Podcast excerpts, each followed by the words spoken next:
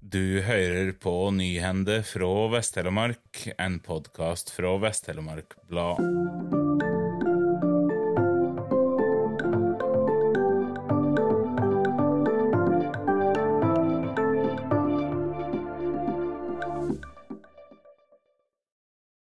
Rive alt eller rive noe, det er kanskje det heiteste spørsmålet i valgkampen i Tokke.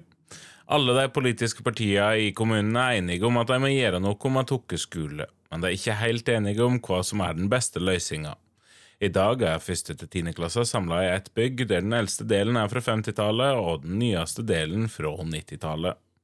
Senterpartiet ønsker å bygge ny ungdomsskole på tomta som i dag huser fotballbanen som ligger mellom kunstgressbanen ved Tokke skole og Tokkåi. Da vil skolen bli todelt, det første til sjuende trinn i dagens bygg og åttende til tiende trinn i nybygget.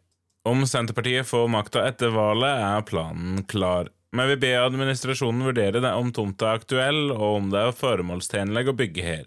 Om svaret er ja, så vil vi bygge som fort som råd, kanskje med byggestart alt høsten 2024, sier Tokke-ordfører Gøran Felland.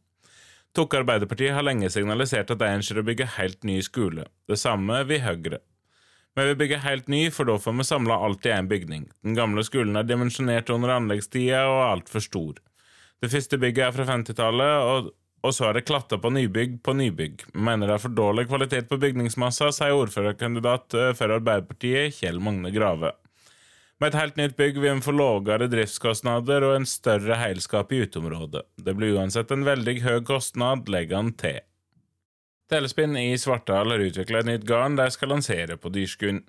Garnet, som er laga av fiber fra mohair og spallam, er utvikla gjennom det treårige regionale innovasjonsprosjektet Teleull, der Telespinn er prosjektleder og største aktør. Siden oppstarten av Teleull i juni 2022 har Telespinn jobba kontinuerlig med å utvikle nye produkter og forbedre produksjonsprosessene i ull- og garnindustrien. Er testa ut ulike parametere på fiberblanding og variasjoner i produksjonsprosessen for å lage bedre garn. Bare norsk fiber, opplyser virksomheten i ei pressemelding. I garn- og tekstilindustrien blir mange av råvarene, altså ull og fiber, sendt til utlandet for kjemisk behandling.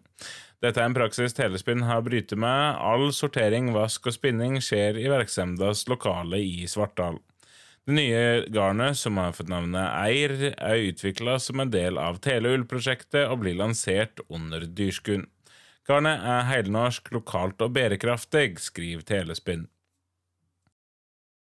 Vest-Telemark har fått 363 flere innbyggere i løpet av de siste tolv månedene.